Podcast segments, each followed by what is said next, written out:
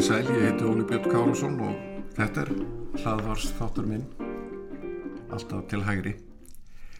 Aðeins að fjalla um kvikmyndaðiðnaðin í Hollywood og áhrif kynveskara stjórnvalda.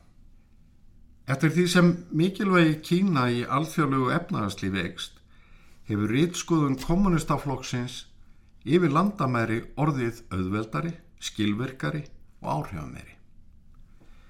Aukin alþjóðleg áhrif Peking hafa litið þess að réttskoðunar armur kynveska kommunistaflokksins hefur nátt taki á útgefundum, fræðumönnum, réttöfundum, bladamönnum og ekki síst kvikmynda yðnaðinum, óháð ríkisborgararétti þeirra eða landamærum. Í nýleiri skýslu Penn Amerika um áhrif stjórnvalda í Peking á kvikmynda yðnaðin í bandaríkjónum er dreygin upp dökkmynd. Skíslan veitir insinn í hvernig kynveð stjórnvöld hafa með betni og óbetni rittskoðun haft áhrif á Hollywood og alþjóðlegan kvikmynda yðnað. Með skipilugum hætti hefur kynveski komurstaflokkurinn náð kverkataki á kvikmyndagerð. Stæstu framleiðendur heims leika eftir þeirri forskrift sem þeim er gefin. Þar með mótar Peking áhrifamesta listræna og menningarlega miðil heims, kvikmyndir, langt út fyrir eigin landamæri. Pen Amerika berjast fyrir frjálsiri tjáningu listamann og almennum mannréttendum og eru hluti af alþjóðlegum samtökum réttufunda, bladamann og annara fulltrúa hins skrifaða og talaða orðs. Samtökin eiga rætur í Breitlandi en tóku til starfa í bandaríkjónum árið 1922. Fyrir marga er aðgangur að kynveska markaðanum mikilvægur og þar er kvikmynda yðnaðurinn ekki undaskilin. Forsenda þess að geta átt viðskipti inn að landamæra Kína er að viðkomandi fellir sig við reglur stjórnvalda í Peking, ekki síst stránga reglur reittskoðanar. Á síðustu árum hafa forráðamenn kvikmyndaðinaðarins lært leikreglunar og stundar nú sjálfsreitskoðun. Fostjóra kvikmyndavera aðlaga handrit bíómynda, söguþráð, samtul og umgjörð að því sem þeir telja vera þóknanlegt kynveska kommunistafloknum. Val á leikurum á heldur ekki styggja ráðamenn í Peking. Kvikmynda eðnaðurinn í Hollywood hefur þannig sett frjálsett tjáningu út í hort. Ótt er fulltrúum kynveskara rittskoðara bóðið í kvikmyndaverin til að gefa ráð um hvernig standaskulega verki til að tryggja að bíóminn komist fyrir augu almennings í Kína. Sjálfs rittskoðun kvikmyndaðinaðurins flóttinn fara frjálsri tjáningu hefur að mestu farið fram í kyrþei og það er mikið í húfi fyrir bandarískan kvikmyndaðina. Kynveski markaðurinn er stæsti markaðar kvikmynda í heiminum. Á fyrsta ársfjörðungi 2018 fór Kína fram úr bandaríkjónum í miðásölu kvikmyndahúsa. Í áallun var því spáð að heildartekjur kvikmyndahúsa verðu um 15,5 miljardar dala árið 2023. Þetta er að vísu fyrir koronaviru faraldurinn. Á sama tíma er búist við að tekjur í bandaríkjónum verðu 11,4 miljardar.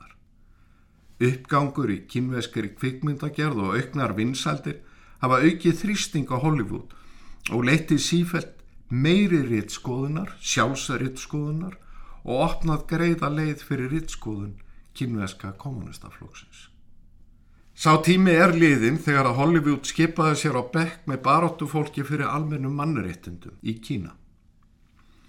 Draumasmiðjan í Hollywood framleiðir ekki lengur myndir líkt á sjóri Tíbet með Brad Pitt í aðalhutverki. Kundún, leikstýr af Martin Scorsese eða Red Corner þar sem Richard Gere fór með aðalhutverkið. Myndindar eru ádela á mannréttindabrót kynveskara stjórnvalda, draga upp ógeðfælda mynd af laurugluríki og dómskerfi sem framfylgir aðeins stefnu stjórnvalda. Engi þessara kvikmynda var sínd í Kína, en á þeim tíma skipti það litlu. Árið 1997 var kynveski markaðarinn svipaður á starð og sá í Peru, hafði lítil áhrif á afkomu kvikmyndaverana. En fljótt skipast veður í lofti.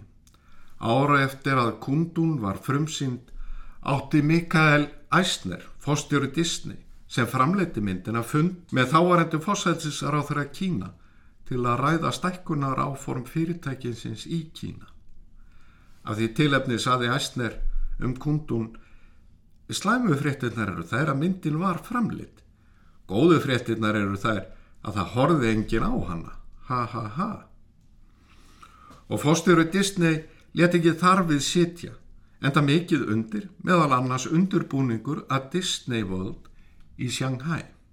Hann bað kynveg stjórnvöld afsökunar og lofaði að fyrirtæki myndi ekkert gera í framtíðinni sem móðgar vini okkar. Þrælslund Hollywood, gagvart kynveska kommunistafloknum, byrti skýrlegi yfirlýsingu Jane Jacku Anot, leikstjóra sjö ára í Tíbet um að hann hefði aldrei stutt sjálfstæðisbaróttu Tíbeta og aldrei átt samskiptið í Dalai Lama.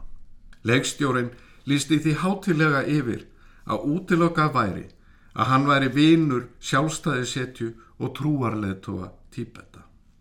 Allt er gert til að forða svartan lista yfir óaskilega listamenn með sjálfstæðar skoðanir. Í kreditlista Múlan, nýrar kvikmyndar Disney samsteipunar það er endurgerð samlegandara teiknimyndar frá árinu 1998 þakkar framlegandin kynveska áráðusáraðanutinu og örgislaðruglunni í Xiyang héradi þar sem myndi var tekin upp að hluta sérstaklega fyrir veitta aðstóð. Í héradinu hefur yfir ein miljón úígúra verið sendt í fangabúðir sem stjórnvöld kallaði þessu aðlöfunabúðir og týjir þúsunda hafi verið sendt á brott til að vinna í versmiðum viða í Kína. Offsóknir gagvart úígúrum minni hluta múslima hafa staðið áratugum saman þar sem markvirt er stemt að því að brjóta niður síði og vennur minni hlutahóps. Fangabúður og nauðungarvinna þrælkun eru léttvægi hugum þeirra sem stýra áhrifamestu liskarinn heims kvikmynda yðnaðinu. Æstnir og Anút eru ekki þeir einu í draumaborkinu sem kissa réttskoðunarvönd kynviska kommunistaflóksins. Það gera flestir, en á því eru sem betur fer undatekningar. Quentin Tarantino let ekki beigja sig. Richard Gere er á sörtum lista og bannfærður í Kína. Stöðningur í sjálfstæðisbaróttu Tíbeta er enn stærsta synd sem okkur listamæður getur dríkt í augum ráðamanna í Peking. Áhrif Peking stjórnarinnar á kvikmyndagerð í Hollywood eru ekki engamál fórstjóra kvikmyndavera, leikstjóra, leikara og handrýtsöfunda. Með sköpun sinni hefur kvikmyndaborgin haft gríðarleg áhrif á menningu og samfélög um allan heim. Í þeim efnum þekkir listin engin landamæri. Hollywood nær til miljardar manna sem standa í þeirri trú að í draumaborginni ráði frjálst tjáning för. Hafi draumaborgin í Hollywood engu tíman átt sál, þá er hún búin að framselja hana til kynveska stjórnvalda í skiptum fyrir aðgang að stærsta markaði heims. Og með þessa staðrind í huga verðum við sem elskum kvikmyndir að fara í bíó. Ég þakka þeim sem lítu. Egi góða stundir.